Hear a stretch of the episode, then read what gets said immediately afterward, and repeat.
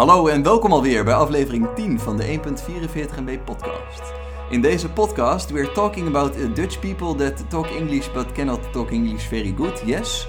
Verder hebben we het over toffe dingen waar we aan hebben gewerkt, Airbnb die stopt met React Native, Instagram TV en we hebben een hele speciale gast, namelijk Kees, die het gaat hebben over samenwerken met vrienden. Veel luisterplezier.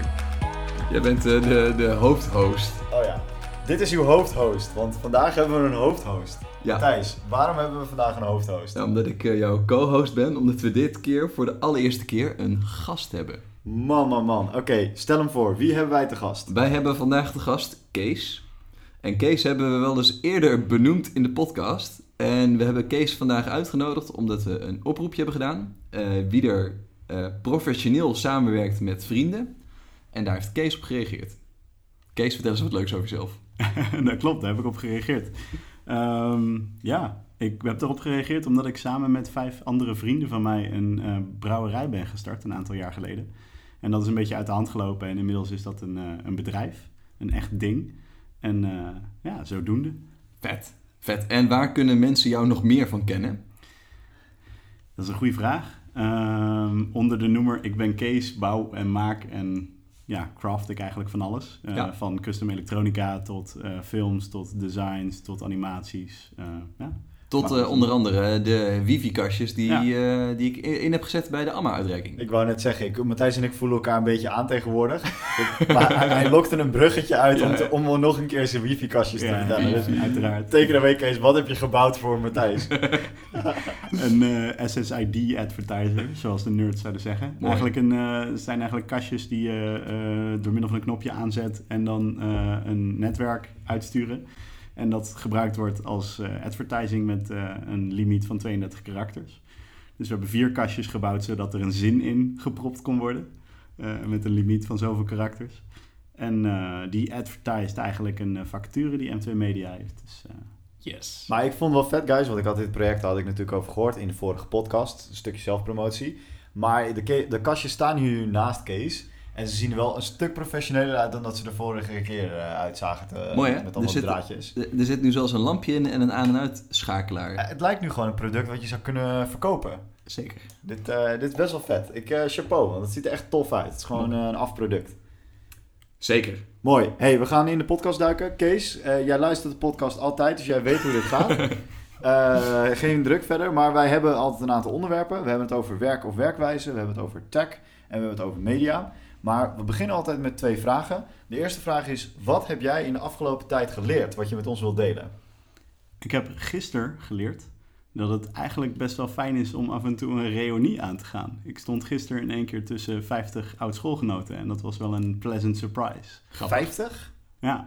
Dat was geen toeval, dat was echt georganiseerd. Dat was georganiseerd, ja. okay, ja, ja. Maar ik had niet verwacht dat het zo een plezante bedoeling zou worden, zeg maar. Tuurlijk, alcohol involved, maar um, dat terzijde. Ik, ik, normaal ben ik heel erg van, ja, reunietjes, weet je, dit en datjes. En uh, het is allemaal een beetje lullen boven elkaar uit. Maar dit was echt gewoon een, meer een sociale get-together. En dat vond ik wel echt heel gaaf. Dus daar was ik wel... En van wat voor school was het? De middelbare? Of? Nee, uh, ik heb in uh, Zweden gestudeerd, Hyper Island. Ah. Uh, dat is een specifieke, specifieke school. En um, daar, ja, dat is een heel internationaal netwerk wat eruit ontstaat, zeg maar. Dat is een heel sterk alumni-netwerk. Ja. En ja, er werd gewoon op een gegeven moment geschreeuwd door iemand van... het lijkt ons ontzettend leuk om iedereen weer even bij elkaar te brengen. Specifiek voor de mensen die in Amsterdam zijn. En cool. ja, gisteren zaten we in één keer met z'n allen beach. Hyper Island is ergens in Scandinavië, toch? Ja, klopt. En uh, er zijn zoveel mensen die uitgevloeid zijn naar Amsterdam dat dat, dat, dat nu een grote groep is. Ja, ja. ja. Ik, en, veel, uh, en grappig genoeg is, ze hebben wel een uh, crossover opleiding in Amsterdam ja. met de BSSA. Ja. en dat hebben ze een tijdje gehad. Ik weet niet of ze dat nu nog doen. Ja, dus maar daar zijn ook heel veel alumni uit voortgekomen. En daar heb ik zelf ook twee weken les gegeven vorig jaar. Dus dat, Vet. Staat ook goed aangeschreven, toch? Hyper Island. Ja. ja. Ja. heel veel mensen noemen het de, de, de Harvard of Digital Media. Dat vind ik dan wel weer een beetje te ver, maar ja. Ja. Ja, en een shout-out naar Sanne. Ik heb bij Label A een collega Sanne, die komt van uh, Hyper Island Amsterdam. Ja. En die voldoet ook aan het profiel. Die is ook, uh, er komen wel een bepaald slag mensen op, uh, op af die ook echt iets, iets kunnen. Ja. Dus heel vet. Vet, dat, dat is een mooie learning case. Matthijs, mm. wat heb jij geleerd de afgelopen tijds, tijd? Nou, wat, ik kan niet heel veel werkinhoudelijke dingen vertellen. Oh, wat mysterieus. want we zitten echt in heel veel pitches. Alleen eh, daardoor ging ik wel even nadenken over hoe we in pitchen staan en hoe we dat aanvliegen en wat we daarop terugkrijgen. En eh, wat mij is opgevallen is dat van de pitches die ik de afgelopen jaren heb gedaan, eh, is er nog nooit het plan uitgevoerd waar we op hebben gepitcht. Althans, vooral niet als het een creatief, een platte, platte, media, platte media invulling. Om even heel eh, gechargeerd te zeggen, dat, dat wordt meestal wel uitgevoerd. Alleen als er een wat creatiever haakje in zit, waarvan eh eh, klant dan zegt, dat is te gek, daarvoor hebben jullie gewonnen. Eh, dat zie je bijna nooit terug in uitvoer. Dus ik vroeg me af hoe dat, eh, hoe dat bij jou zit, Bram. Ja, ik pitch natuurlijk al eh, heel lang niet meer eigenlijk. Eh, maar eh, met Label A moesten we natuurlijk nog af en toe wel een soort van bureaupresentatie doen om de opdracht te krijgen. Maar uit mijn verleden, uit mijn reclameverleden, weet ik dat we inderdaad heel vaak pitchten. En dat het concept werd uiteindelijk iets heel anders. Ja, vaak werd het ook nog gecombineerd met die pitch van die partij die verloren had. Dus ja. zeiden ze, jullie ding was heel erg goed, maar die andere partij had deze twee hele leuke toevoegingen. Maak daar samen één ding van. Nou, dan gingen de creatieven natuurlijk helemaal uit hun plaat. Want die zeiden, nee, nee, nee, dit concept is puur, is helemaal goed. ja, ja, Dan ja. moet je geen slagroom op de, op de Ja. aardbeien doen, zeg maar. Ehm, dus ik herken Ja. dat wel. Maar ik heb al heel lang niet gepitcht eigenlijk. ja. Gelukkig. Heb- maak jij dat ook mee, eh, Kees? Ja, dat is, eh, voor Moet, jou je, moet jij pitchen voor jouw werk? Nou, ik moet eerlijk zeggen, ik heb eh, afgelopen week echt voor het eerst een grove fout gemaakt waarvan ik dacht van ik pitch dit wel, ik heb er zodoende veel tijd in gestoken en toen ging het niet door. En toen leerde ik wel echt zo van, ja, het is misschien toch niet ook de klus die ik dan zo had willen doen. Ja, ja. Ehm, maar als ik moet pitchen, merk ik ook heel vaak dat het idee erna nog verandert. Omdat gewoon heel veel partijen de meest wilde ideeën kunnen bedenken, wat ontzettend gaaf is. Maar realistisch gezien is het gewoon minder haalbaar. Nou, Ja, ja. En dat is dan terugschalen. Dan moet je gewoon concessies maken. ja. Hey, jij hebt je jezelf voorgesteld, maar jouw officiële titel is creatief technoloog, toch? Ja, Dus jij maakt dingen die andere mensen alleen maar kunnen bedenken. Ja. Die, die hebben wel de ideeën, maar die kunnen het zeker niet bouwen. ja, ja ik denk dat dat het wel, wel een goede definitie is. En zozeer, ik probeer het dan zelf te bouwen. Ik heb dan een achtergrond in film en animatie, dus ik kan het dan zeer goed faken, zeg maar. Dat verkoopt mijzelf. Ja. Ehm, maar ik help ze ook heel erg graag op weg met een beslissing nemen daarin. Dat ze kunnen kijken van, is dit een verstandige keuze om erin te gaan investeren? Wat zouden de mogelijkheden erin zijn? Dus ook een beetje consultancy-achtig. Van, een Vet. beetje half-half is dat. Ja, En die balans vind ik heel fijn. Dus ik heb heel veel variëteit in mijn werk, zeg maar, wat ik doe. Dus ja. dat, eh, daar haal ik mijn kracht uit. Cool man. Ja, Ja. leuk. Eh, ja, ik zal het rondje even afmaken, wat ik heb er eh, geleerd afgelopen tijd. Het is namelijk niet alleen de tiende aflevering van de 1,44 MB podcast. Het is ook de eh, maand waarin Label A 10 jaar bestaat. ja, te gek man, gefeliciteerd. Dankjewel. Ja, dat is, eh, we hebben het overleefd. Eh, nu kunnen we netjes gaan sterven. Maar we hadden een event. eh, vorige week, de week ervoor. Ja, de week ervoor. Ehm, en daar heb ik op geleerd dat Nederlanders echt geen Engels kunnen. Eh, we hadden een paar hele goede sprekers. En ik ga ze niet bij naam noemen. Eh, maar dat waren Nederlandse sprekers. En echt meer dan de helft daarvan was echt niet om aan te horen in het, eh, in het Engels. Van de sprekers. Van de sprekers. Dus dat zijn Nederlandse sprekers. Ja, Uh, die, die gewoon echt uh, een goed verhaal hebben, die ik eerder had horen spreken, dat je echt op het puntje van je stoel zit en dan komt er zo'n steenkolen Engels verhaal uit. En waarom ik dit zeg is omdat ik nu actief aan het onderzoeken ben of je medewerkers Nederland, of, uh, Engelse les kunt uh, aanbieden. Oké, okay, want het was dus niet alleen de sprekers, maar ook je collega's. Nee, maar ik herkende het dat Ja. ik praat heel veel Engels in mijn werk en ik merk dat hoe langer ik erin zit, hoe beter het wordt. Ik ben echt geen vloeiend uh, Engels spreker. weet je, net zoals iedere Nederlander kun je je echt wel verstaanbaar maken. Maar mijn, mijn, mijn collega Chris, die is gewoon, die heeft een Engelse achtergrond. Nou, als je daarmee, als je die hoort praten met een Amerikaan, dan is het alsof ze Heel ander niveau, exact hetzelfde niveau zitten. Ja, ja, en wij ja. moeten altijd zoeken naar woorden en uh, je vocabulaire is natuurlijk ook minder. Dus ik dacht van misschien is dat wel een mooie toegevoegde waarde. Dus uh, een, een, secundaire arbeidsvoorwaarde. In plaats van uh, weer een pot bier of, of bananen. Ja, of weer een groene Porsche. Exact, weer ja. een groene Porsche. Want dat hebben we ook gedaan. Ja. Maar dus daar ben ik nu naar aan het kijken. Nou ja, ik ben echt een. Ik heb een langere tijd in het buitenland gewoond. Dus ja. meer, meer dan 2,5 jaar. En dan leer je ook wel echt gewoon goed Engels praten. Ja. Ik heb in New York gewoond, dus dan, daar is Engels wel de voertaal. Maar in Zweden bijvoorbeeld dus ook. En daar spreken de mensen ook over het algemeen best goed Engels. Maar het is hetzelfde probleem als Nederland. We hebben de vocabulaire wel. Ja. Maar om het dan echt fatsoenlijk uit te kunnen spreken is wel punt 2. Dat is gek hè? Ja. Ja, en snelheid ook, kan ik me voorstellen, in gesprek. Ja, ik denk dat dat je ook wel een, een bepaalde gunst is. Want je geeft daardoor jezelf ook tijd om na te denken over je Ja. statement wat je probeert Ja. te maken. Ja. Ja. Ja, en wat ik, het- wat ik het gekste vind om te zien is dat in een, eh, in een omgeving waar heel veel verschillende nationaliteiten zitten, dat eh, vooral Nederlanders, want ik zie het echt vooral bij Nederlanders, die pakken nog een 1-2'tje in het Nederlands. Ja. Terwijl in Amerika hebben ze respect voor elkaar en eh, gaan twee Spaanse mensen echt niet in het Spaans. Eh, dat is best wel grappig dat dat, eh, Mhm. dat gebeurt. En onze Duitse collega's doen het ook bijna niet. Hey, maar als het gaat om die taallessen, hè? Ja. Ga je, dat dan, ga je dan iets specifiek zoeken wat dan past bij label A? Als in Engels voor developers? Nee, nee ja, daar, heb, daar heb ik dus over na zitten denken. Maar je hebt eigenlijk heel simpel. Je hebt in taalles heb je gewoon gradaties. Ja. Eh, gewoon levels A1, A2, B1 en B2. Ja, En daarna ga je je eigenlijk verdiepen. Eh, dus je moet eerst die eerste levels maar ja, ja, halen. ja, ja, ja, ja. En ik dacht natuurlijk, ah, dat haalt iedereen. Maar er zit nog best wel wat, eh, ook wat Ja. intonatie bij en dat soort dingen. Dus Ja, precies. ik denk dat je gewoon daar moet beginnen. En iedereen moet maar kijken hoe ver die wil, wil komen. En level C is dan je verstaanbaar maken op Stack Overflow. Maar dat is alleen maar met code. Dat is Oh, gewoon ja. vakjargon. Dus het is echt geen vies. Oké, eh, tof. Kees, tweede vraag. Wat is het tofste waar je de afgelopen tijd aan, afgelopen tijd aan hebt gewerkt? Ik heb twee weken geleden twee, eh, bijna duizend liter bier mogen ontvangen in mijn handen. Nou ja, niet echt fysiek zelf, maar het is opgehaald door eh, mijn, mijn collega's. En ja, dat was gewoon een mooi moment. Het was ons tweede echte grote brouwsel bij de huurbrouwer. Ja. En we merkten dat het al beter ging dan de vorige keer. Zeg maar echt als je nieuw met iets begint, dan moet het altijd wennen. Dat was ook echt de zaak. En ik heb ook gewoon echt goed vertrouwen weer gekregen in ons als brouwers en ons bier. Dat heeft nog wel een staartje, waar ik misschien ook direct wel wat over verder wil uitweiden. Maar ja, ik was gewoon blij verrast. En dat was echt wel, daar ben ik wel echt trots op. Cool, hè? Dat het gewoon, ja, voelt goed. Hoeveel? De- twee de- keer duizend liter? We hebben vorig jaar 2000 liter gedaan. Ja. En dit jaar hebben we 1000 liter gebrouwen. En dan gaat dan door destillatie, filter en Ja. kooktijd... Blijft er 880 liter bleef er over. Zo. Waarbij Ja. de, de huurbrouwer, zeg je. Ja, wij huren iemands anders apparatuur en kennis in om te brouwen. Dus we brouwen zelf ook mee. We helpen die dag actief mee. Want het is, geloof het of niet, het is best wel arbeid, zeg maar. Ja, je moet best ja. wel wat dingen verrichten. Ja. Dus veel tillen en zo.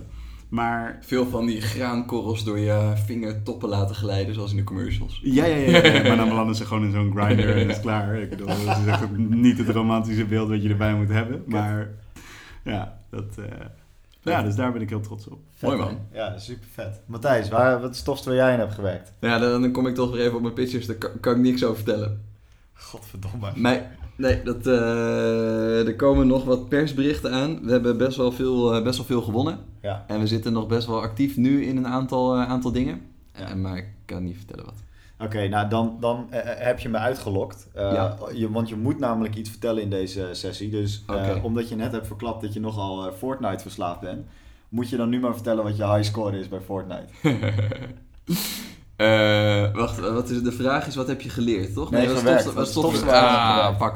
Eh, nee, want ik heb nog wel een ding waar wat ik heb geleerd. Fortnite wordt echt gedomineerd door veel te jonge gassies die veel te fucking goed zijn. Maar dat is toch overal in het leven? Ja, maar dit is echt, dit is echt zo... Ik, eh, oké, ik, ik kijk vanuit strategisch perspectief wel eens naar video's van andere mensen die het ook spelen. Ja, die- Ja. Je bent er gewoon aan het uitlokken, hè, fucker. En, eh... eh Dames en eh, heren, Matthijs gaat dat- zo meteen vertellen dat hij ook beauty gloss kijkt op YouTube. Zeker ook. Ook met een strategisch oog. Strategisch always on the ja. job. Maar je kijkt eh, filmpjes. Alleen, eh, dat zijn serieus gastjes van eh 15, 16, 17, 18, 19 jaar die gewoon rete goed zijn en die daar hun geld mee verdienen. En die zit elke dag een video online van minimaal een half uur waarin ze uh, keihard mensen aan het afknallen zijn. En dat is, eh, ik vind het fascinerend dat mensen daar hun geld mee kunnen verdienen. En ik vind het fascinerend hoe fucking goed zij kunnen worden door, eh, door heel veel tijd in te steken ook natuurlijk. Want ik speel het eh, wel eens. Soms wel dagelijks. Oké. En eh, eh, ik word er wel wat beter in, maar ik heb nog nooit gewonnen. Dat is wel fucking frustrerend. Dat, dat lijkt me heel kut. Maar blijf je dan ook niet heel lang op, zodat je hoopt dat je op een gegeven moment op een, tijdspunt, eh, op een moment komt in de tijd dat niemand wakker is? Nou, het, de grap is, op ieder gegeven moment zijn er volgens mij 2 of 2,5 miljoen spelers online. Holy fuck. Ja, het is echt bizar. Maar het is Eh, cross-platform, hè? dus ja. iedereen kan meedoen. Zelfs vanaf je telefoon als je in de bus zit. Ja, Ja, en Oh, is de- Fortnite ook op je mobiele telefoon? ja, en op eh, Nintendo heeft het net voor Nintendo Switch. Dus eh, die kun je ook eh, draadloos overal mee Alles. naartoe nemen. Dus dat is echt wel... ehm, ja, dat is best wel, het is best wel bizar. En eh, ja, veel mensen spelen het gewoon. Dus het idee is, je start met 100 mensen op een eiland. En elk gegeven moment dat je inlogt, zeg maar, kan je eigenlijk direct een game instappen. Omdat er ergens ter wereld wel een potje start. En dan zit je ook nog een keer op... Ik zit altijd op een Europese server. Want dan heb je het beste ping en dat soort dingen. Eh, dus eh, dan kijkt hij alleen maar naar Europa. Dus elk gegeven moment kan er gewoon een potje worden gestart in Europa. Dus dat is, Bizar. het is heel bizar. Het is zo populair. Nu de belangrijkste vraag. Ja. Heb je het roze konijnenpak al? Ik heb nog geen roze konijnenpak. Oké, we komen hier volgende week op terug. Ik heb wel, Volgende net, maand. ik heb wel net een Dino Dungeon gekocht. Oké, een dino dansje. Ik ga opzoeken wat dit is. Ja.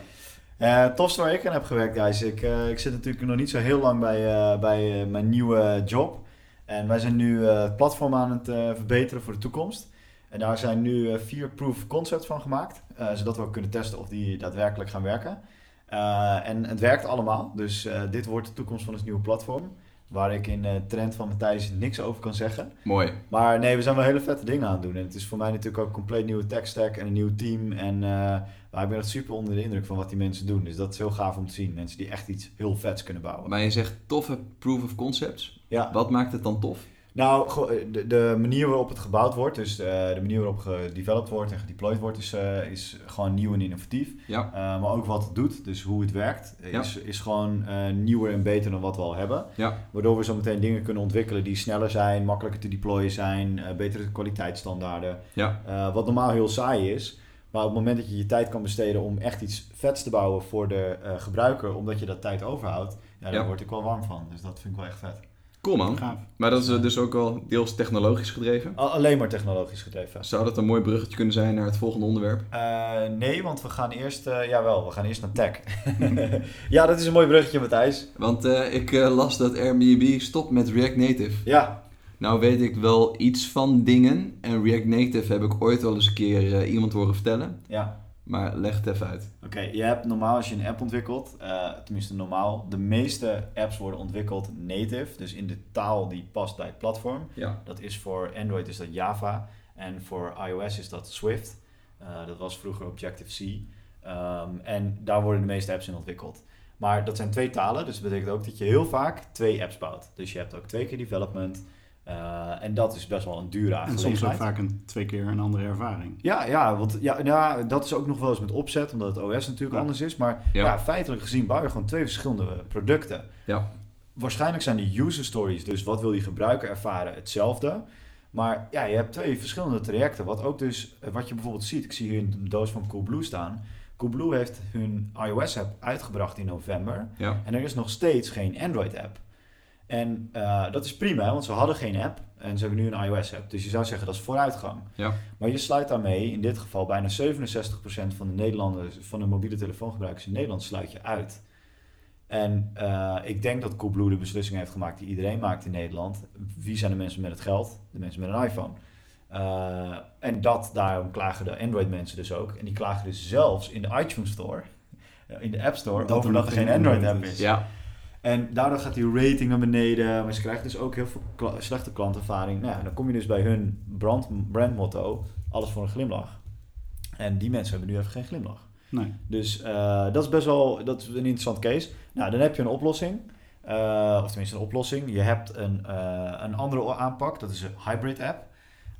Vroeger deden we wel eens bijvoorbeeld een webapp. En die deden we dan in een wrappertje. En dan leek het net alsof je een app had gebouwd. Maar dan had je gewoon een webpage. Cordova, Cordova bijvoorbeeld. Ja, eh, en eh, je hebt ook echt hybrid platform. Ik denk dat Titanium echt een, echt een eh, hybrid platform is. Dus dan bouw je het in één stack en je exporteert het naar twee platformen. En er is React Native. En React is een JavaScript framework waar je dus ontwik- ontwikkeld door Facebook. En het is een open library. En daarmee bouw je dus een frontend waarmee je een single page application bouwt. Dus je ziet een applicatieachtige omgeving in je browser. Je klikt op dingen, je ziet geen refresh. Eh, dus dat is een single page application. Dat is een heel krachtig framework. En daardoor heeft eh, is er een doorontwikkeling geweest, ook deels door Facebook, maar ook een stuk open source. Dat heet React Native, waarmee je dus in eh, React code kunt schrijven en dat kun je dan exporteren naar twee platformen, iOS en Android. super mooi, super tof. Eh, was ook de toekomst. Dus iedereen is daar een beetje op aan het onderzoeken en aan het kijken of dat kan worden. En Airbnb heeft een heel tof stuk geschreven over dat zij dat ook hebben geprobeerd. En dat ze nu uiteindelijk eh, het toch niet gaan doen. Eh, daarmee zeggen ze niet, ze zeggen heel nadrukkelijk niet dat het kut is, maar dat het voor hun strategisch gewoon niet past. Was het niet zo dat ze stoppen Ja. in plaats van dat ze gaan beginnen? Ja, ze stoppen. Ja, ze Zei ik het stoppen. verkeerd op? Sorry. Nee, je zei Oh. van dat ze dat, die beslissing om het niet te gaan doen. Oh, maar- sorry. Ja, ze stoppen. Ja, nee, excuus. Ze, hebben, ze, de- hebben, ze hebben De apps zijn nu eh 2,5, 3 jaar lang zijn eh, echt React Native apps geweest. Ja.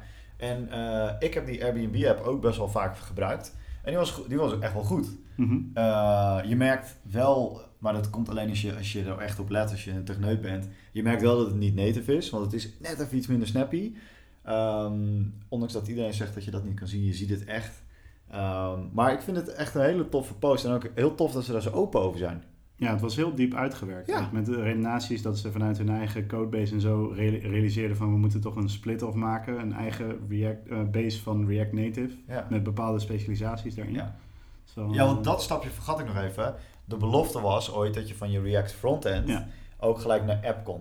Dus Ja. dan zou je niet twee platformen in één hebben, maar eigenlijk met drie. Want je hebt je web, je hebt je app in twee platformen. Maar eh, wij zijn bij Label A, denk ik, eh, een jaar geleden hebben we wat testjes gedaan. Toen kwamen we er eigenlijk ook al achter.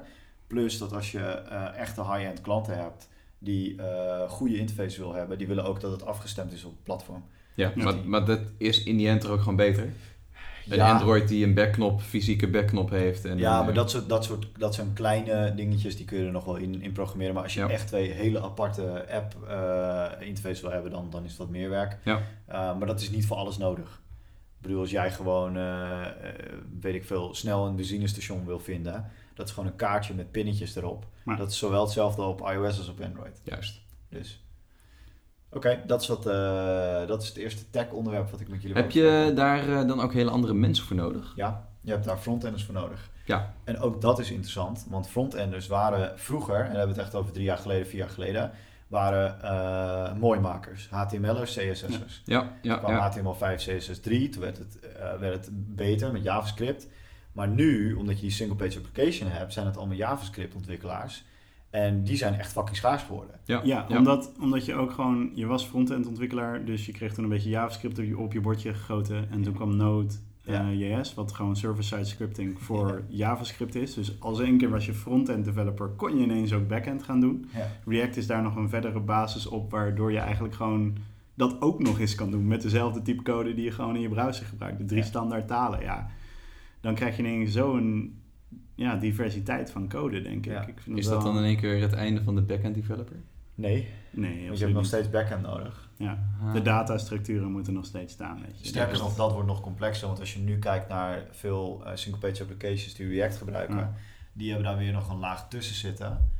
eh, om nog naar de API-laag, zeg maar, Ja. om, om dan naar de backend te praten. Die ervoor zorgen dat de data eigenlijk al klaar staat, dat het Ja. gecached is en zo. Het hele managementdeel daarvan, Ja. Ja. dat is wat back-end engineering nu Dus is. dat zou je met GraphQL bijvoorbeeld kunnen doen, is vrij populair, maar dat zijn nieuwe stappen. Mhm. Uh, maar wat je wel gaat zien is dat dat soort dingen vervaagt allemaal een beetje. Het is niet meer heel strikt backend. Want je hebt backenders die wat meer naar de voorkant leunen, dus naar Ja. de API's. Maar je hebt ook frontenders die wat meer naar de backend leunen. En designers zijn al lang geen designers meer. Die maken prototypes die echt de API's aanspreken in, eh, zo, In Framer. in Framer. Ja. En, en dat zijn gewoon applicaties. Wat ook Ja. heel grappig is, want als je die aan een klant laat zien, dan denkt de klant dat het af is. Ja, klaar. En dan moeten ze nog zes maanden wachten, zeg Ja, maar. Maar dat, is, ja, de- de- dat gaat wel echt vervagen. Dat, eh, Nou, is al vervaagd. Ja, ja, ja, Eh, nee, ja, dat precies. betreft, hoor, als je Ja, naar kijkt. ja, als nee, je ja, vraagt waar, wat, waar, waar is dan de afstap, zeg maar, als de klant al zo'n high-fidelity prototype krijgt, wat in een week in elkaar geramd is, Ja. dat je echt denkt van, nou, maar dan is dan de echte app toch ook over een week klaar? Ja, simpel is het echt niet. Ja. Dat is, die illusie wordt wel gewekt en dat vind ik ook wel weer interessant. Ja. Ik ben, als je kijkt naar Airbnb zelf als organisatie en wat ik ook al eerder zei, ze hebben heel veel zelfspecialisatie moeten doen binnen de code van React Native. Ja. Dus ze hebben zeg maar een eigen basis daarvan gebouwd en ze hebben heel de tijd lopen proberen van kunnen we dan de nieuwe variant van React Native implementeren op onze eigen zelfde variant van React Native. Ja. En dat ze dat met meer dingen doen. Als je kijkt naar ook qua animatieframeworks en zo, doet Airbnb best wel veel. Je hebt een, een framework dat heet Lottie. Oh ja. En dat wordt gebruikt om SVG-animaties direct vanuit After Effects te exporteren naar een webomgeving. Ja. Wat je dus dan ook in React Native kan gooien. Dus in één keer kan je vanuit After Effects een SVG-animatie exporteren die je op een app binnen je Sketch-prototype gewoon kan zien, bijna. Ja, dat is gewoon bizar. Ja. Hè? Dat is, je kan zo high fidelity gewoon met een animator zitten die dat vertaalt naar een stukje code toe wat je implementeert. Ja, dat is bizar. Super vet. Ja, ik, vind dat, dat moet ik even zeggen, Airbnb vind ik echt een raar bedrijf. En ik ben het ook helemaal niet eens met wat ze doen. Dat, dat de hele binnenstad van Amsterdam eh, nu een Airbnb is. Maar over tech doen ze het echt goed. Ja. Want bijvoorbeeld ook hun Apple TV app. Dat was een van de allereerste. En het is ook een van de weinigen die klopt. Ik wist helemaal niet dat ze een Apple TV Ja, ze- hadden. Maar Ze hebben dus een super vette app. Wat, eh, ze, wat ze dus doen is de dingen die jij hebt bekeken in je app, in je Mhm. mobile app. Als je thuis bent, krijg je daar een gallery view van. Oh, snap. Dus je bent even, je- weet hoe dat gaat toch? Je bent op kantoor en denkt, oh, ik moet nog even voor New York, moet ik even dat dingetje doen. En s'avonds kom je thuis en moet je kiezen met je partner. Ja. Ja. Dus Ja. knal je je tv aan. Oh, wat goed. En, eh, het is Ja. de enige Apple TV app naast Voicey, door Label A ontwikkeld, maar die, die echt, echt snapt waar het platform voor is. Ja. Ja. Heel veel mensen zijn een, een complete mobile app gaan maken op die Apple TV met het stomme afstandsbedieningje die altijd leeg is. Ja. Dus werkt het niet. En Ah. denk ook daar, dat daarom dat platform niet werkt. Want hoe, hoeveel apps heb jij gedaan, Kees, op je Apple TV? Eh, ik heb al jarenlang geen tv meer. Oh, wow. Ja. Hoeveel apps heb jij op je Apple TV? Ik heb geen Apple TV. Wauw, kijk, daarom werkt het platform Maar, niet, jongen. maar het schijnt wel dat, eh, eh, ja, het is best wel logisch, want het is, het is een visuele keuze, toch? Airbnb op. Mhm. Dus als je een hele functionele app wil bouwen, dan ben je er veel te veel dingen in aan het stoppen. Ja, dus ze hebben nu ook echt, je, je ziet gewoon toffe views. Ja, En dan klik Ja. je erop en dan opent hij je mobiele app. En dan kun je daar Ja. bestellen. Ja, dat is gewoon mooi. Tinder heeft ook een eh, Apple TV app. Oh, hoe weet jij dit, Matthijs? Schijnt. Lijkt me ook heel goed dat, dat je gewoon op, die, op dat touch ding op je Apple TV of op je Apple remote. Maar maak je, is het nou een grapje of heeft hij serieus een app? Die hebben serieus een, eh, hebben ze echt hele grappige commercials ook voor. eh, Oké. Echt, echt al twee jaar geleden. Ik zit niet in de target audience, dus ik krijg ze niet. Maar kun je dan met je groepsvrienden swipen tijdens het drinken? Ja, dat, gewoon dat een drinking game. Ja. bijna. hypothetisch. Ja. Maar dat is Tinder sowieso. Oké, Hey, we ja. gaan over naar het volgende onderwerp, want we gaan er een hele lange podcast van maken, dat zie ik al. Maar dat, dat mag omdat Kees erbij is. Yes. En eh, we hebben nog één onderwerp in tech en dat is eh, Instagram TV. Ja. Eh, ik kijk vooral jou aan, Matthijs, want Instagram TV werd gelanceerd. Het is een vertical tv-platform Ja, in, maar ook niet helemaal in Instagram. En het idee is dat je tot een uur mag opnemen en uitzenden. En je krijgt dus eigenlijk een soort van Bingwatch-achtige omgeving, net zoals je YouTube hebt, waarin je allemaal video's achter elkaar kan zien. yes. Maar wat ik het gekste vond, is de lancering. Waarvan, ze, waar, waarvan het al gelijk heeft aangetoond dat het geen succes gaat worden. Want ze hebben heel veel influencers betaald om er content op te maken. Ja. Heb, jij de, heb je de app geïnstalleerd? Ja, Wat vind je ervan? ik eh, eh, vind er helemaal niks van. Want ik heb het geopend en er was letterlijk nul content voor mij. Behalve de standaard, wat ik op Snapchat in het begin had. Ja, Dat je die ja, standaard ja, eh, channels hebt. ja. Maar niemand van mijn, eh, die ik volg, die heeft eh IGTV content. Maar heb jij dan alleen vrienden op Instagram? Eh, veel vrienden, ja. Of volg je ook influencers? Nee, heel- maar, ja, ik volg wel influencers, ja. En één influencer, die had een filmpje gemaakt en dat is eh, TJ Hunt. En die bouwt auto's. En die had een filmpje gemaakt van hoe ze een nieuwe auto stationair liep. En toen was ik klaar. toen dacht ik, dit is hem niet. Nee, maar alle, alle videocontent die je vrienden nu posten in stories en zo, die zitten er volgens mij ook al in. Oh. Maar het, het, eh, het opmerkelijke vind ik vooral dat als je het één keer hebt geïnstalleerd, dan is het voor altijd een balkje bovenin je eh, Instagram-app. Dus, eh, oh, wauw. ze- Als een eh, ze- link. ja, ze zijn het nu heel erg aan het, eh, zijn het, heel erg aan het cross-pushen. Ja, maar dat is ook als je hem niet geïnstalleerd hebt, hè? Want ik had de app niet geïnstalleerd en je krijgt hem dus ook in Instagram. Oh, ik dacht dat het alleen omdat ik de app had geïnstalleerd. Nee. Nou. Kijk, ik heb nu hier bijvoorbeeld bovenin Ja. staat nieuw video from Wyden Kennedy Alone in Cannes. Maar dat is volgens mij iets wat ze normaal gesproken... Kijk, dat is een videootje van 1.35, 36. ja, dus dat is gewoon een story. Dus dat is denk ik gewoon een story of een gewone post geweest. Ja. Dus eh, ja, ik vind het wel... eh, ik vind het, hoe ze het cross posten, dat vind ik wel, vind ik wel slim. Maar de hele... ja, ik vind de hele interface niet zo heel spannend. En dat ze, dan, dat ze dan benoemen dat het heel bijzonder is, want je opent de app en dan begint gelijk iets te spelen. Ja, oké, leuk. Maar voor de rest, eh, nee, ik heb in principe hetzelfde als wat jij hebt. Alleen de mensen die dingen in hun stories posten, dat zie ik hier terugkomen. Maar voor de rest eh, valt het een beetje tegen. Dus gaat dit de YouTube-killer worden? Absoluut niet. Heb jij het al gezien, Kees? Nou, ik ben zo iemand die eens in het half jaar zijn apps update. Ja? Dus ik eh, heb dat balkje nog niet en ik heb de app ook niet geïnstalleerd.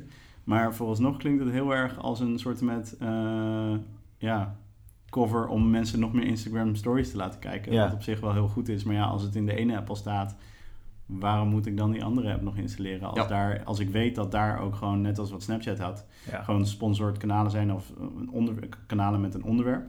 En als ik daar echt in geïnteresseerd ben, wat ga ik dan doen? Ja, voor Vice bijvoorbeeld ga ik gewoon naar YouTube. Ja. Dan ga ik niet, dan wil ik gewoon in comfort of my own screen, zeg maar, wil ik dat gewoon bekijken. Dat doe ik niet aan publiek.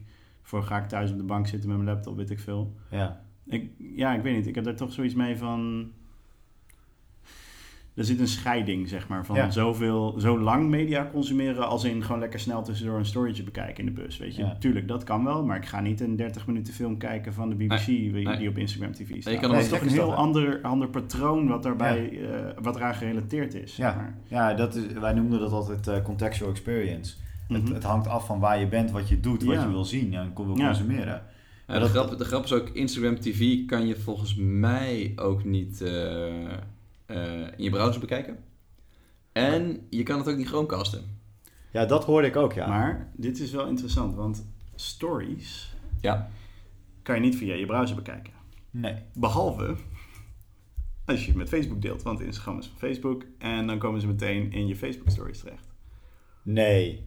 Nee, Ja, je kan... je- er zit gewoon een optie bij Ja, je stories dat je Nee, add to Facebook knopje zit. Wacht even, dan En als mensen dat eenmaal aanzetten, dan gaat het automatisch door naar je Facebook story. Dat dus is dat is gewoon nasty. één platform geworden. Maar stories kan je wel... eh, Ja, je stories worden, kan je gewoon direct naar Facebook pushen met één knop. Ja, maar als je Matthij- één keer Mat- gedaan Matthijs hebt. zit nu ons af te leiden door stories te laten zien van... eh, Oh, En, binnen eh, Instagram.com, nice. Ja. Maar Dus ja, ik, ik zag het altijd via Facebook voorbij dus komen. het, kan, het kan wel. Oké, maar ik moet toch weer even over de Snapticals beginnen, jongens. Want Ja. hier zie je het probleem van Vertical. Die Snapticals van, eh, van eh, Mhm. eh, Snap, die, Die nemen dus vier, die nemen vierkant op. Ja, Waardoor ja, dus ja, met... eh, Waardoor je dus eh, landscape en portrait kunt Ja. hebben. En hier zie je, Matthijs zit nu iets portrait te kijken in een landscape computer. Een is- 15 inch retina scherm waar die dan een vertical dingetje op zit te Ja. kijken. Dat is gewoon het probleem. Dat is raar. Dat is raar. Maar eh, ik vond vooral, eh, ik, thuis ha- hadden we een kleine eh eh, vete rondom I, IGTV, want ik had het wel. Degene die niet meer op Facebook zit en iedereen heeft gedefriend op Instagram. Ja. En ehm, mijn vrouw die communicatiespecialist is en tonnen uitgeeft, miljoenen uitgeeft aan campagnes, die had hem niet.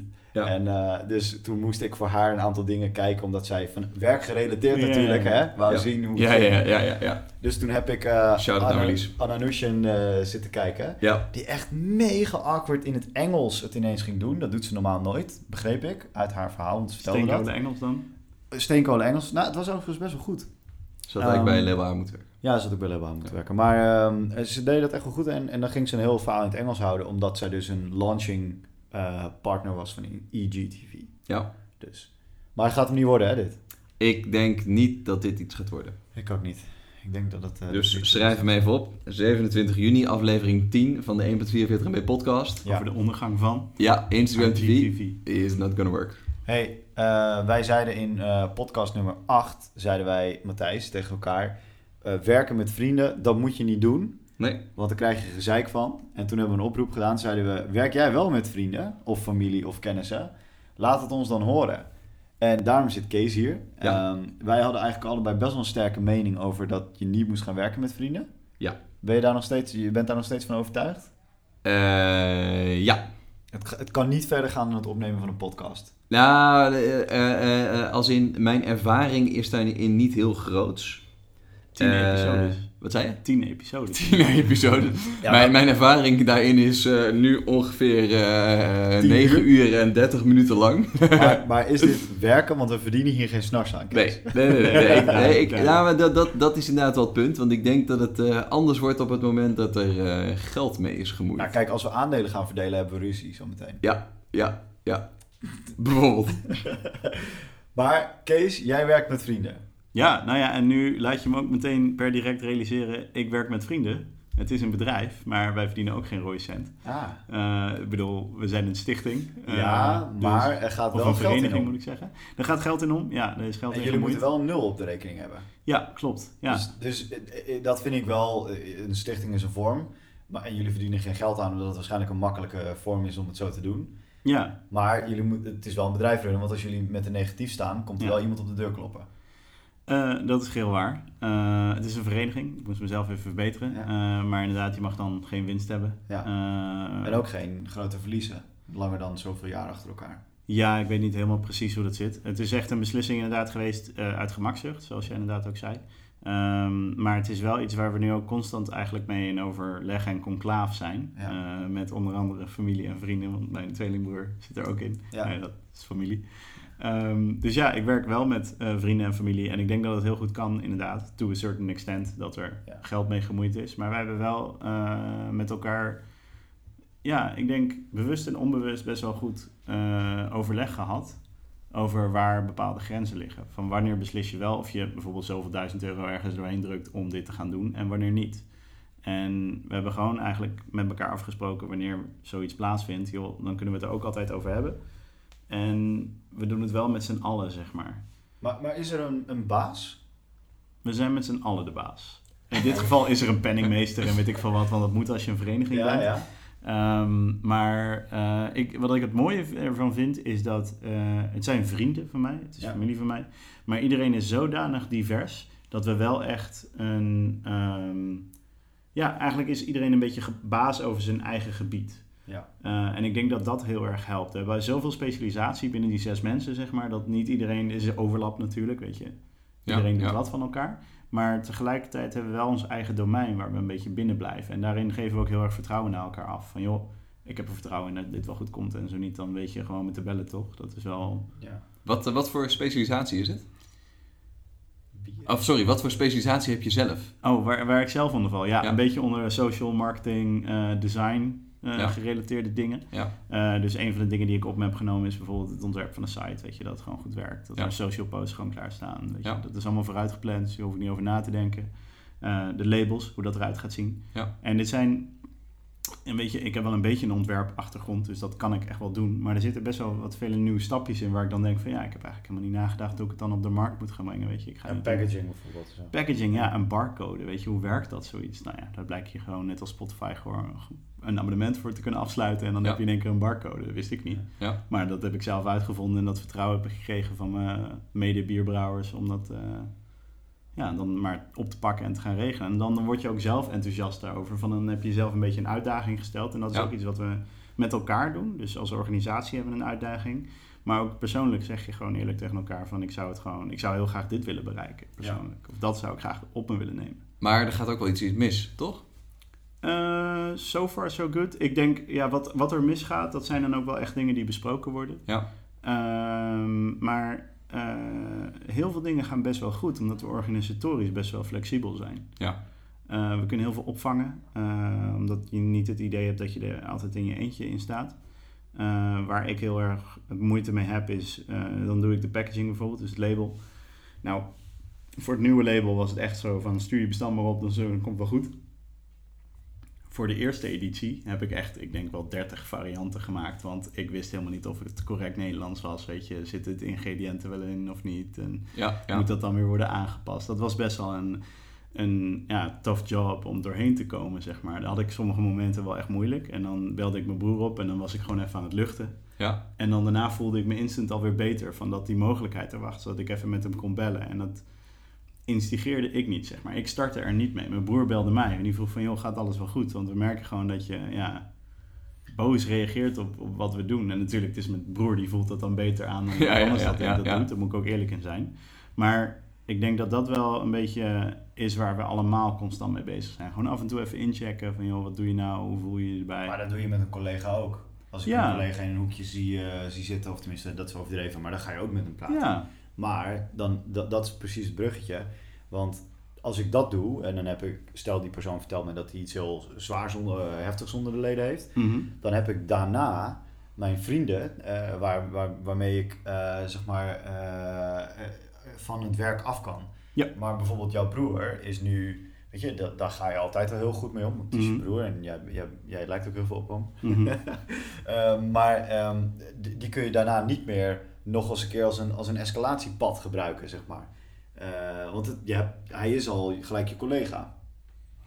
Ehm, Of werkt het zo dat het makkelijker is omdat het je broer is? Dat het, ik denk het is een beetje van allebei. ja, Ik vind het wel een heel interessante gedachte en ik heb daar niet zo heel erg eh, goed over nagedacht. Als in, als ik het nu weer zou gebeuren, hoe zou ik dat dan aanpakken, zeg maar. ja, Maar omdat we dit nu wel al twee keer gedaan hebben, heb ik meer vertrouwen in elkaar. We hebben ook meer losgelaten aan elkaar Ja. eh, bij de nieuwe batch. In vertrouwen Ja. van, joh, vorig jaar zat, had ik echt het gevoel dat we met z'n allen overal op zaten. Weet je, iedereen moest van alles afweten. Ja, Dus ik belde ook af en toe iemand op van, joh, hoe zit het nou met die logistiek? Is het al geregeld? Weet je, en daarmee zit je ze alleen maar op hun schouders gewoon te drukken van, joh, het moet wel geregeld worden. Terwijl dat helemaal niet helpt. Ja, Ik kan veel beter bellen of- vertellen van, joh, bel me gewoon als er iets is. Dan kan ik je te hulp schieten met je taak. Maar, ja, let it go. let it go. Dus ik heb dat ook expliciet gewoon losgelaten en ik heb me daar niet mee bemoeid. En ik heb heel vaak ook gehamerd op, ja maar Kees, wat vind jij er nou van? Dan, dan vragen ze dan aan mij van, wat, wat wil jij? En dan zeg ik van, niks. Ja. Ik vertrouw op jullie. Z- Zijn, zijn jullie scherper in feedback of minder scherp naar elkaar? Omdat je elkaar goed kent en eh, dat soort je Ehm, een blad voor je mond, zeg maar. Ja, nou dat is een hele goeie. We hebben wel expliciet vorig jaar een moment genomen waar we met z'n allen zijn gaan zitten van joh, wat, hoe ging dit nou? En wat, wat waren plezante en minder plezante ervaringen? En daar zijn we echt heel erg open in geweest. En ik denk dat dat... ehm, Maar opener dan je normaal met een collega zou doen. Jij bij Widening Ja. gewerkt. Zou je, dat, zou je dat op dezelfde manier doen? nee, Oké. nee. Dus daar wordt je relatie dan beter van. Ja, absoluut. Ja, Ja, dat is interesting. ja. Grappig. ja, ik heb wel echt het idee dat ik personen daardoor ook beter leer kennen. Dus Ja. vrienden ook beter leer kennen in dit geval. Ja, maar jij zegt ook wat je nu zegt. Kijk, jullie doen de tweede batch. Maar feitelijk gezien zijn jullie nog geen twee jaar bezig. Anderhalf Nee. jaar. Eh, dus... eh, Onofficieel wel langer, maar dat is meer Precies. hobbymatig, gewoon Ja. voor de leuk. Maar nu wordt het inderdaad echt Ja. serieus. Maar ik vraag me af of je binnen een bedrijfsomgeving... Matthijs, jij werkt nu een jaar? Anderhalf, bijna twee. Oktober 2. Zijn er mensen waarvan jij zegt... Nee hoor, ik vertrouw je volledig. Laten we al die meetings die we hebben skippen. Doe het maar, zoals Kees net zegt. Ja, ja, ja, zeker. Oké, dus dat loopt wel gelijk op dan. Ja, ja, ja. Ja, dat, eh, dat, eh, Of, of dat, zeg je dit nu omdat ze naar je podcast luisteren? dat ook.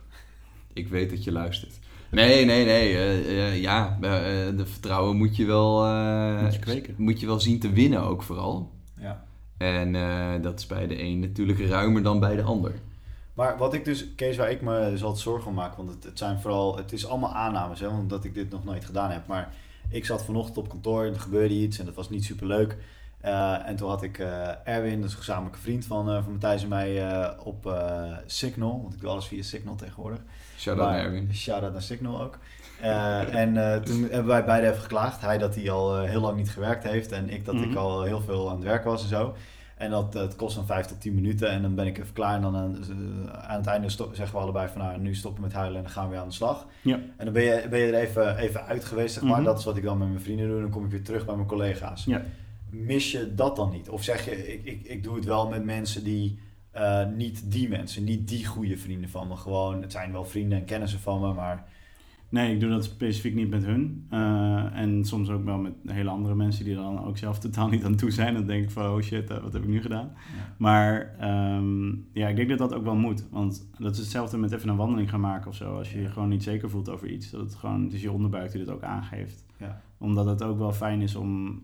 Ik weet wel dat als je het eerst kan luchten, dat je een, een veel breder optiek krijgt over Ja. iets. Dan dat je meteen op ja, dat gevoel van je buik eh, reageert en zegt van nee, het moet zo. Ja. En dat je daarmee juist het misschien wel erger maakt. Ja.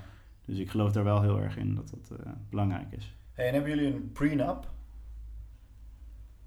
Wat je hebt dus als je gaat trouwen. Dit, Ja. vind ik, dit vind ik echt super leuk. Want als je gaat trouwen, denk ik dat je wil de rest van je leven bij elkaar zijn. Dat is waarom je Mhm. gaat trouwen, toch? En vlak voordat je gaat trouwen, of een paar maanden voordat je gaat trouwen, eh, kun je, als je wil, onder huwelijksvoorwaarden trouwen. En dat hoeft tegenwoordig niet meer, want het is allemaal net veranderd, anderhalf jaar geleden. Maar toen ik ging trouwen, doe, doe je dat wel. En dan moet je dus eh, naar een notaris toe. Mhm. En dan ga je het gesprek voeren wat je eigenlijk never nooit met elkaar wil voeren. Dat is namelijk wat gebeurt als je uit elkaar gaat. Ja. CD van jou, CD van mij. En omdat ik eh, businesses heb, moet je, dat, moet je dat goed verdelen om ook je werknemers te beschermen en zo. Ehm, maar ik vond dat super interessant om te doen, omdat je namelijk, ja, bijvoorbeeld, ja, ik, ik en mijn vrouw, ik, ga, ik heb echt nooit het idee dat we uit elkaar gaan. Maar je moet tot op de bank die je samen hebt gekocht beslissen van wie die wordt, zeg maar. Ja, En dat is heel raar. Dus je bereidt je al voor dat mocht het nou wel ooit een keer misgaan, dan gaat het eigenlijk niet mis, want dan heb je het al met elkaar geregeld, zeg maar. ja. Eh, want dat, dat zorgt er dan voor dat je hopelijk misschien positief uit elkaar gaat. Als je daar nog over moet gaan ruzien bijvoorbeeld. ja daar wil je niet aan beginnen. Nee, dan, dan, dat, maar dat is dan bij een scheiding. Maar Ja. ik zou me daar dus heel erg zorgen om maken bij een bedrijf hebben met vrienden. Ik bedoel, Matthijs is echt... Mm. Ik, ik zou willen dat ik met hem kon ondernemen, omdat hij zo creatief is en, en wij elkaar heel erg goed aanvullen. Heel slim en aantrekkelijk bovendien. Dat ook. Ja. Eh, je kan hem vinden op Tinder. Hij is nog vrijgezel. Maar, eh shout-out. Maar eh, ik zou heel erg bang zijn dat... eh, ik weet wie ik ben. Ik weet wie Matthijs is. We Ja. kunnen af en toe wel eens even vlammen. Eh, dat merk ik ook in de podcast. Maar eh, dan als we zouden moeten breken met elkaar... dan ben ik een hele goede vriend kwijt. Ja. Hebben jullie daar ook over gesproken voordat jullie dit gingen doen? Nee, eigenlijk helemaal niet. En ik denk dat dat ook wel een punt is waar ik nog heel graag in zou willen stappen. Of zo'n discussie zou ik wel heel graag in willen stappen. eh, om twee redenen. Ik denk de eerste reden vooral is, je leert wat de echte waarde is voor iemand Ja. waar je samen aan werkt. En dat kan heel vaak verschillen. Ja. Zonder dat je het door hebt. Want ik zeg doodleuk tegen mijn medebrouwers van ja, ik zou het heel gaaf vinden om hier twee, drie dagen per maand aan te besteden om gewoon lekker zo lekker bier te kunnen brouwen en gewoon iedereen te voorzien van een, een ja, biertje waar je van kan genieten. Maar voor iemand anders kan het echt wel zoiets zijn van ja, ik zie dit wel als een venture voor, weet je, over vijf jaar moet het gewoon een bedrijf zijn, moet het runnen en dan moeten we Goed veel opzet. maandsalaris eh, Ja, uitbetalen. Ja. En, en heel reëel is dat eh, over zowel de waarde die je achterlaat, dus waar je dan over zal moeten scheiden, Ja. maar ook over de, de waarde die je in de toekomst daarvan gaat hebben. Ja. Van hoe zie jij dat samen voor elkaar? En ik ben dan wel heel erg reëel van het echte ondernemen moet daarin nog wel beginnen, heb Ja. ik het idee. We bestaan pas net, we hebben wel risico's genomen, we hebben zelf ook inleg gedaan, maar dat is nog niet zodanig groot waar je van je echt denkt van ja, weet je, hier gaan we aan ten onder als het echt slecht gaat. Maar sta- staat Dus- iedereen er hetzelfde in? Alle Ehm, zes mensen eh, zoals jij? Zo van nu nog hobbymatig, maar ik zou er wel meer tijd in willen steken. Nou, we hebben daar eh, echt een, een anderhalve, twee weken geleden een goede discussie over gehad. Ja. Echt met een beetje toekomstvisie ook denken van wat zou je er graag onder willen doen. En er kwamen, het werd eigenlijk een soort met, ja, eh, paraplu waaronder we allerlei dingen gingen hingen, hangen. Ja. En die gedachte heeft me wel aan het denken gezet, zeg maar. Van, eh, ook om dat van anderen te horen, maar ook om er zelf bewust over na te denken. Van wat zouden dan de volgende stappen zijn? En zelf ben ik in mijn hoofd dus nu weer aan het formuleren van... Eigenlijk zou ik dit wel met ze willen doen. Dus dat wil ik ze dan weer opnieuw voorleggen. En ik hoop dat dat... Maar iets anders naast bierbrouwen bedoel je? Ja, nou niet zo... Ja, dat. Eh, Ja. er zijn gedachten naast bierbrouwen. Er zijn nog een aantal andere plannen die uitkristalliseren. Maar ik, heeft ook te maken met... In hoeverre zitten we allemaal op één lijn? En Ja. in hoeverre zijn we allemaal op één lijn te krijgen... dat iedereen ook diezelfde waarde daarin van gaat inzien? Want als je dat kan bereiken... dan kan je ook echt gewoon een even split doen... en iedereen gewoon zeggen van... joh, we kunnen met z'n allen dit kwijt Ja. qua investering... Ja. om dat te kunnen... Ja, waardig kunnen, te kunnen maken. En gewoon ervoor te kunnen zorgen dat we eindigen... en dat we alles afbetalen als we een lening moeten trekken... om gewoon iets moois te kunnen creëren... waar we dan gebruik van kunnen ook blijven maken. Want het product wat we hebben... En wat we daarmee willen bereiken, naar mijn idee nu, is heel erg van ja, het zou superleuk zijn om op een gegeven moment over een aantal jaar een brouwerijtje te hebben waar ik gewoon de rest van mijn leven af en toe gewoon een mooi biertje kan brouwen. Dat is Ja. gewoon al op zichzelf een win. Ik bedoel, daar heb Ja. je niet zoveel aan te verliezen, behalve de installatie die er staat. Ja. Dat is een investering. Neem je risico. Maar die probeer je terug te verdienen met je bier en dan hou je hem uiteindelijk over. Ja. Ja. Dus zo zie ik het ook voor me. Ja, zeg maar voor een ander zou het wel zijn dagelijks brood kunnen Ja, zijn. precies. Moet het een maandsalaris misschien Ja. zijn. En dat, dat is iets waar we nu heel erg naar op zoek zijn. Van Ja. waar vind je die balans en wat kan je dan onder die paraplu schuiven? Ja. En dat is een, een discussie die je ook gewoon, nou ja, het werd al eerder genoemd, maar gewoon open met elkaar moet hebben. En heel erg, ja, dan moet je gewoon zeggen wat je wil, want anders ga je het ook niet krijgen. Nee, dat weet iedereen van ons ook wel, volgens Ja. mij. oké. Interesting man. Ja. Ja. Ik, vind, ik vind het ook heel tof dat jullie dit samen doen. Dat, eh, dat, is ook, dat maakt het ook tof. Dat, eh, dat, dat verhaal achter dat biertje, dat is altijd eh, het is leuk. Ik drink het niet helaas, maar, eh, maar ik vind het wel heel gaaf dat jullie dit doen. Ja, Ik had er eigenlijk gewoon een paar mee moeten nemen. eigenlijk wel. Ja. We zijn nu teleurgesteld. Ja. Maar we drinken gewoon lekker het geld. Het eh, kraanwater uit Utrecht is ook eh, heel goed hoor. Het is net bier. Mooi. Hey, heeft dit jou over de streep getrokken, Matthijs, om te gaan ondernemen met vrienden? Wil jij morgen met mij MBBV starten? Absoluut. Maar waar haal ik de tijd vandaan? Nee, want eh, eh, tijd is echt wel een ding hoor. Eh, mijn studio Raume ben ik nu, mijn mijn side projects wat meer aan het stroomlijnen. Dus ik heb een handbagage site nu naar het Engels ben ik aan het vertalen. Super grappig. Allemaal via Upwork, want ik heb echt geen zin om, wat was het, 2.000, 3.000 woorden zelf te gaan vertalen. Dus daar heb ik lekker iemand opgezet. Was best wel grappig. Eh, dus eh, alleen eh, daar wil ik al meer tijd in steken. Ik wil overigens, sidestep niet interessant voor de podcastmensen, maar ik ga het toch doen. Ja, Ik wil coverstickers van jouw site. waarom? Nou, omdat het een conversation piece is. Ik kom namelijk best veel in vliegtuigen. Ja. En bij die korte vluchten heb je heel vaak de mensen een koffer meenemen als handbagage, waar Ja. jouw site voor bedoeld is. Ja, ja, ja. En sommige koffers worden dan afgewezen omdat ze in dat bakje moeten. Ja. En eh, ik wil eigenlijk dat er op mijn koffer een sticker zit, zodat ik die mensen kan verwijzen naar de site. Heel goed. En ik wil eigenlijk ook, ik wil dat die fluoriserend eh, geel of groen is, Zodat je je koffer herkent. als ik hem wel een keer in de dinges moet doen. Ja.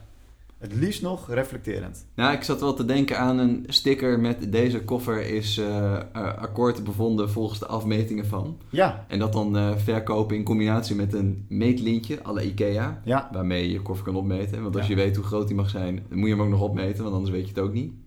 Dat staat wel op de site, maar als Ja. je hem koopt. Ja, de, nee, maar je, Oh, als ja, je hem thuis hebt. als je hem thuis hebt. Ja, oké. Moet je wel kijken of je huidige koffer voldoende is. Ja, maar dan verdien jij niks aan de affiliate links. Dus je moet sowieso Ja. voor een nieuwe koffer Ja, maar dat, dat valt wel tegen hoor, wat je daar verdient. Man, ik, ik heb al vier koffers besteld voor jou. Wat? Nee, het is toch eh 40 euro per maand. Denk ik. Ik heb serieus voor jou koffers besteld. Mooi. Eh, eentje bij Coolblue. Ja. En toen kreeg ik ook nog 25 euro booking.com te goed. Nice. Ja, ik wil geen promotie maken, maar dit was toch best wel tof. Koop je koffer via alle-handbagage-afmetingen.nl. Dus, maar dit doe je nog steeds alleen. Maar Ja. jij, jij zei even, ja, tijd. Maar wat ik bedoel is, Ja. eh, wat Kees doet. Kees die verdient zijn brood met dingen die hij zelf doet. Ja, En die verdient zijn bier met wat hij met vrienden doet. Zo is het een beetje de verdeling. Maar eh, de stap is natuurlijk om daadwerkelijk met vrienden te gaan werken. Zodat je, eh, dat, je geen tijd meer van je, site, van je normale baan doet. Maar dat dat je werk is. ja, ja. ja. Zou je dat durven? Even heel hypothetisch gezien dat ik mijn huidige baan bijvoorbeeld zat. Zou, totaal niet het geval. Nee, nee, nee. Dat, Eh, zou ik dat durven? Ja, dat zou ik wel durven. Ja, met vrienden. ja. Oké. En bier. En bier. Ah, een bier bijvoorbeeld. Ja, nee, dat, dat, eh, ik, zie, ik, zie, ik zie weinig redenen waarom niet. Anders dan dat het eh, financieel gemopper op zou kunnen leveren. Ja, maar dat ik. is het ondernemen. Ja. Ja, ja, ja. Ja, Ja, nee, oké, maar als je, als je dat even... De, Nee, nee, maar ik bedoel het financieel. Ik denk eh, waar zoiets op kan breken, en daarom, de- daarom vind ik het ook wel interessant om te horen dat jullie stichting zijn. Ik denk dat waar het op kan breken is op het moment dat er Vreemd. meer van afhangt dan alleen tijd en fun erin stoppen. En dan is het dus geld. ja, oké, maar Ja. Wat, wat ik bedoel is... Jij hebt nu een baan aangenomen bij M2 Media. Ja, Stel nou dat ik een bedrijf had wat M3 Media heette. bijvoorbeeld. En wij deden allebei hetzelfde aanbod. Je- bijvoorbeeld. Ja, ja, ja. Je, je mocht, Ja, je mocht kiezen tussen Een 100% identiek bureau. 100%. Zelfde auto, zelfde salaris, Ja, ja, ja. eh, zelfde kat van de zaak, whatever je hebt ja, gekregen. eh, precies hetzelfde werk, hetzelfde opdrachtgever, hetzelfde leuke dingen. Ja, ja, Leuke ja. collega's, die zijn gekloond via Westworld. Ja, bijvoorbeeld. Ja. Eh, Alleen dan zijn het in één keer allemaal vrienden. ja, Ja. dus Kees en ik zitten daar. Ja, Erwin zit daar. ja. Misschien doet je moeder het baliewerk. Bijvoorbeeld, lijkt me super gezellig. Nou ja, Sowieso. Ja, het ja, lijkt me ja, heel ja, leuk om ja, dat met jou te dat, vind, ik- dat vind ik wel, eh, ja, dat vind ik wel. doen. dan, dan Zou je dat dan doen? Je moeder neemt dan wel al je Coolblue pakketjes aan, hè? Ja, dat is goed. Die, die trillen Hey, wat, wat, wat is dit voor strijkijzer? Maar eh, eh, ja, ja, ja. Nou, nee, eh, ehm, dan moeten er nog wel vrienden bestaan buiten mijn werk. Want wat je net ook zei, eh, ik wil eh, iets van mijn werk kunnen meemaken en daar wil ik met iemand over kunnen mopperen. Ja, Eh, als het niet goed gaat, of eh, vieren als het wel goed gaat. ja. Als, dat, alle- als het- al die mensen ook binnen je werk... Ja, dat is heel hypothetisch, want dat kan natuurlijk nooit. Maar als al die mensen allemaal binnen je werk zouden zijn... dan zou het zonde zijn dat je daar niet over dat soort dingen over kan praten. Ja, nee, maar dat is- dan zeg jij hetzelfde als wat Kees zegt. Die zegt van ik, ik, ik heb met bepaalde vrienden, en ik, maar ik, ik heb wel mensen waarmee ik andere dingen bespreek. Ik denk wel dat als je daar niet over kan praten met, eh, jouw, maar met je collega's die dan vrienden zijn, Ja, zijn dat dan echt wel vrienden? Ja, ja, ja, ja. ja. Ja, dat, een is goede ook wel... vraag. Of, of kies je ervoor om dat niet meer met ze te bespreken? Dat is meer Ja, ja, kan ook Dat, dat zou ik namelijk doen, zijn. zeg Ja. maar. Dat, dan zou ik... Want je, het gaat om het offloaden, om het uh, stomen. Ja, ja, ja, precies. Ja. Ja. Ja. Je wilt ook niet alles gewoon in diezelfde mensen proppen, want je zit Precies. gewoon ook naast ze. Ja, maar dan wordt het ook wel heel erg eh I know. schizophrenic eh, op een gegeven Ja. moment eh, met elkaar in een hockey. Zo. Ik vind het een hele hypothetische situatie. Ja. Maar als je kijkt naar ondernemerschap en eh, bureaus en dat soort dingen, Ja, dan zie je dat heel veel bureaus wel door twee vrienden zijn opgericht. ja Daarnaast- broers. Tam Tam zijn broers, toch? Ja, ja, ja, ja, ja. Dat, dat soort dingen. Dus dat kan prima. Alleen je moet wel mensen eromheen hebben die dan... Je moet niet alleen maar met vrienden werken. Nee. Nee. Vooral niet als er serieus geld mee is gemoeid. Want dan hangen er, veel- dan hangen er veel meer dingen vanaf. Hè. Je, je eigen zekerheid, kan je wel wonen, kan je wel eh, je boterham betalen, dat soort Ja, dingen. maar dat vind ik toch meer ondernemen. Ja, ja, ja. Want dat, jij onderneemt nu ook Ja, niet je, in je MT neemt een risico. Ja, precies. Ja. Nee, snap ik. De vraag is, zou je dat risico sneller nemen met iemand die je gewoon op een eh, professioneel niveau kent? Eh, dus Kees, die komt iemand tegen op een, eh, een bierbeurs. En je zegt, holy fuck, dit is gewoon de beste bierbrouwer die ik ooit in mijn leven heb gezien. Maar hij kiest ervoor om het juist met vrienden te doen, die misschien minder goede bierbrouwers zijn, maar het zijn zijn vrienden Ja. Ja. en broer. Maar dat komt omdat het nog steeds een lol-project is. Nou, de- Ja, we beginnen nu wel dus serieuze proporties aan te Ik nemen. En ik denk dat daar ook wel de hele bier. interessante ontwikkeling in zit. Duizend liter kan je heel dronken voor worden. duizend liter is echt veel hoor. Ik wil het wel even bij je hier binnen in de huiskamer storten. Dan Maar heb je een pallet vol staan. eh, dan kan je heel lang van bier drinken. Je kan er een bad mee vullen. Dat zeker. Hoeveel baden kan je ermee vullen? Een bad is toch maar 200 liter of zo? Ja, zoiets. Nee, Mooi. wel meer. Ja? Ja. Je kan vijf keer een laagje bier in een bad leggen. We moeten zo naar de buurvrouw om te kijken hoe groot haar bad is. Een emmer is 12 liter.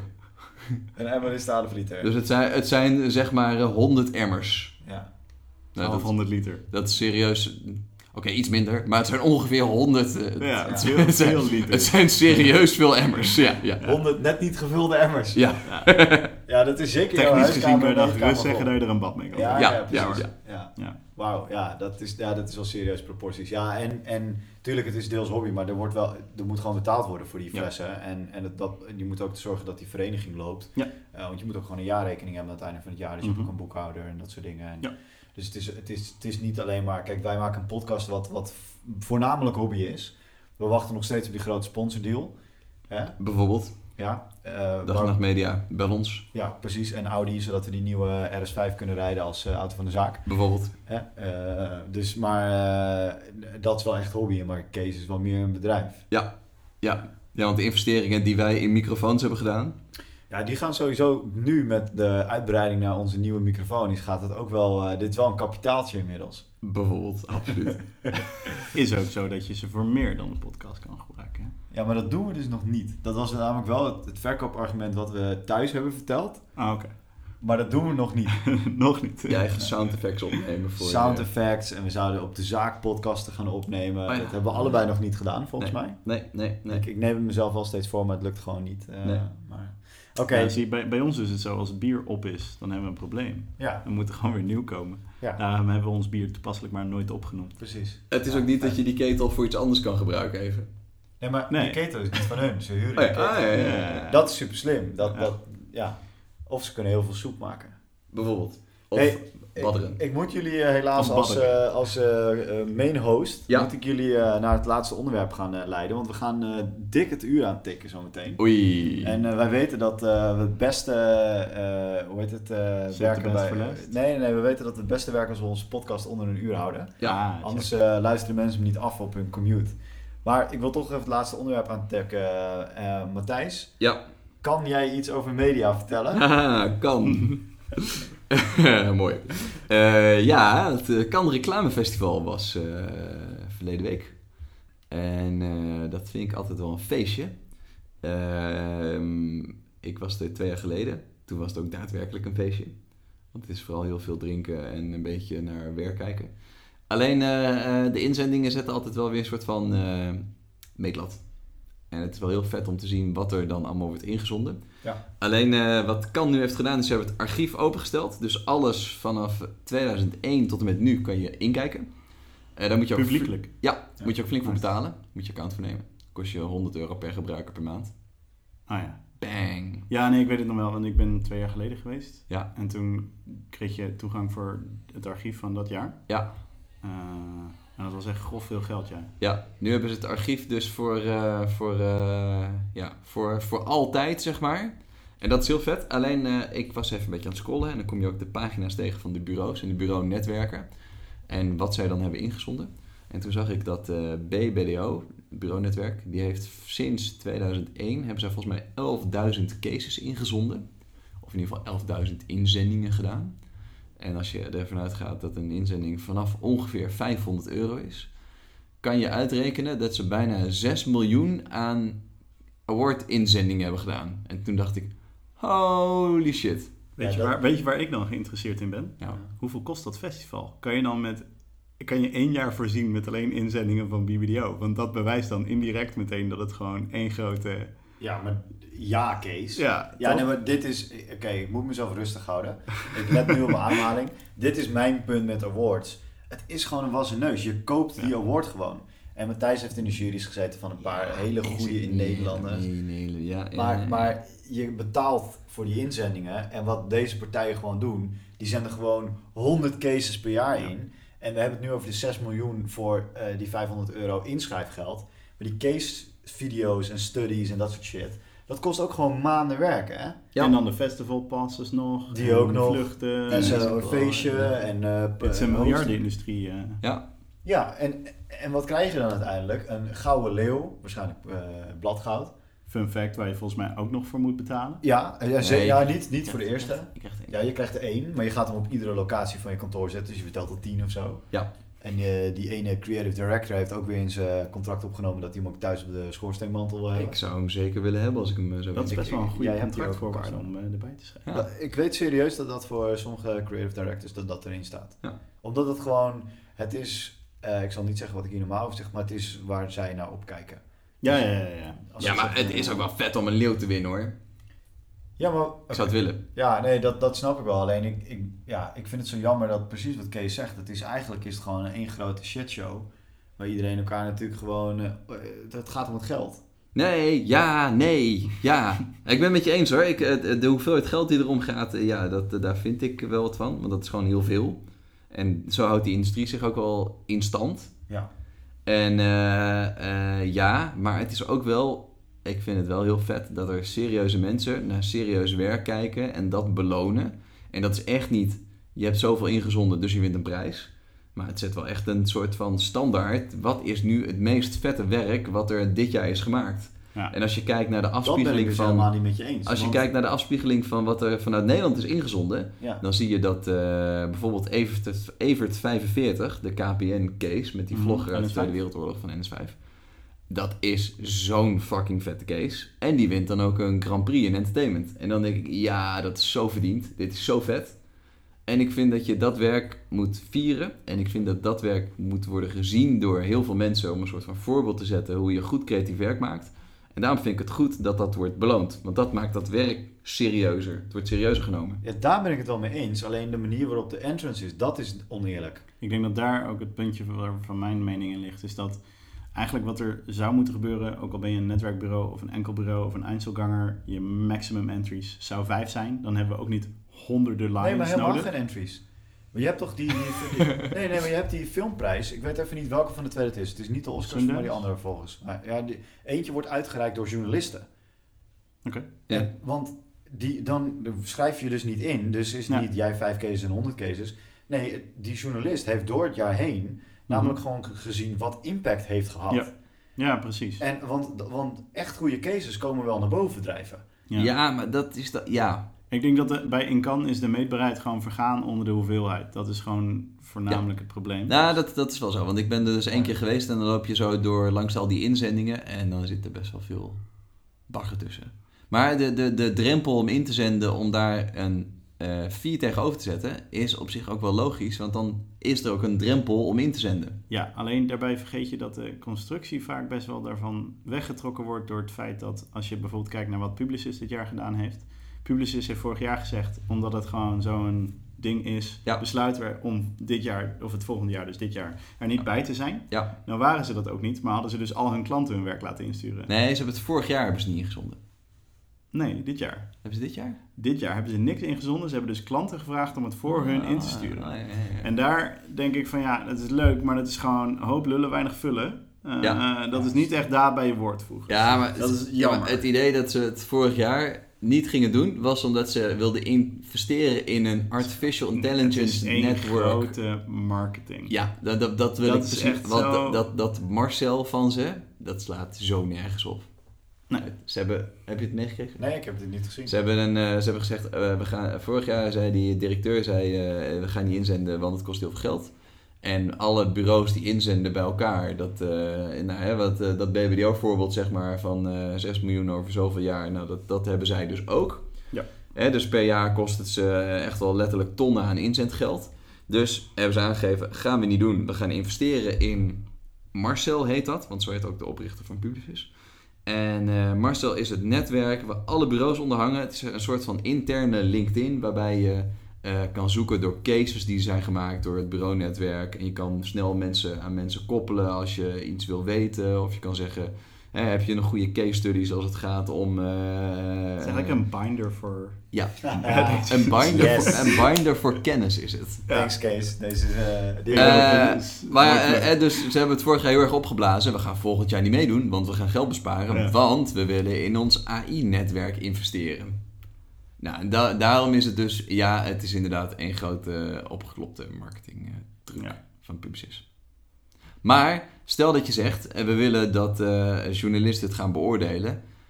Dat kan niet, want je beoordeelt, beoordeelt een case niet alleen op je, wat je hebt gezien. Dat is sowieso super subjectief en ook niet altijd even kansrijk. Want als journalist zit je niet in alle doelgroepen, dus kan je nooit al het werk hebben gezien. En het is ook de effectiviteit en die moet je omschrijven. Dus anders dan een film die je hebt gezien, kan je niet over het werk oordelen als je alleen een eh, uiting hebt gezien op tv bijvoorbeeld. Ja, het is niet Nee, dat je maar- de meetbaarheid kan Nee, maar je- kijken. je Nee, zou jij bent het enige publiek. Juist. In dit geval. Ja, maar je zou natuurlijk gewoon een selectie kunnen maken en dan mensen vragen om die info aan te leveren. Ja. En je zou natuurlijk ook een doorsnee kunnen nemen van de, van de mensheid. Ja. Je hebt, je hebt bijvoorbeeld mensen die zich echt richten op jongerenmarketing, die krijgen wel alles van jongeren mee. Ondanks dat ze niet de target audience zijn. Nee, dat zal nog wat tegenvallen. Ja. Is veel, is veel wat ze hebben laten zien. Wat, nou, nee, ik denk niet dat je dat, je dat op die manier eh, kan doen. Wat ik wel een interessante vind, de RAB Awards, dat zijn de radio, eh radioreclames in Nederland. Daar was afgelopen dinsdag de uitreiking voor. Eh, die hebben gewoon een eh 0 euro grens als het gaat om eh inzendfee.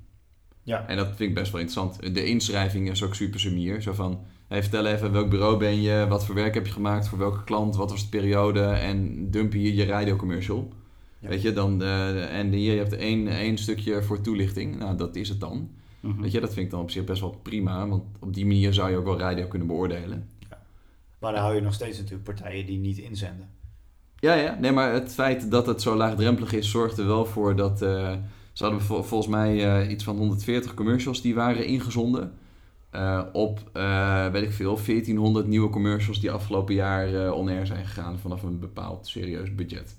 Dus dat, dat vind ik dan best wel... Dus ze hebben gezegd, we hebben ongeveer eh, 10, 11 procent of zo. Zoiets was het geloof ik, van de, alle commercials die, die on-air zijn geweest, die, hebben we, die zijn ingezonden. Dus dat vind ik dan, dat, dat is dan best wel, dat is best wel een prima afspiegeling voor een jury om dan een oordeel over te vellen. Ja, ja, mee eens. Oké, Nou, zullen we hem afronden? we hebben geen conclusie over awards. Nee, de conclusie Ik is denk dat... dat het ook nog wel een staartje gaat hebben in Ja. een of andere manier, whatsoever. Ik denk dat dat... dat het is ook wel een beetje de tijd van... Nou ja, niet de tijd van het jaar, maar eh, het is ook wel heel erg van vandaag de dag dat daar nu echt pas goed de twijfels aan worden getrokken, toch? Ja. Nou, nee, eh, wat, wat voor Madman eh Ja. omgeving we kwamen, Ja. waar we nu staan en waar het dan heen moet gaan. Dus Ja. is dat precies on course, zou je bijna zeggen, toch? Ja, zeker. Ja, nee, dat klopt zeker ook wel hoor. En er waren twee creatieve, twee, drie jaar geleden volgens mij, die hebben de website insteadofalign.com. Oh Ik, weet ja, niet, ik weet niet of die nog steeds werkt.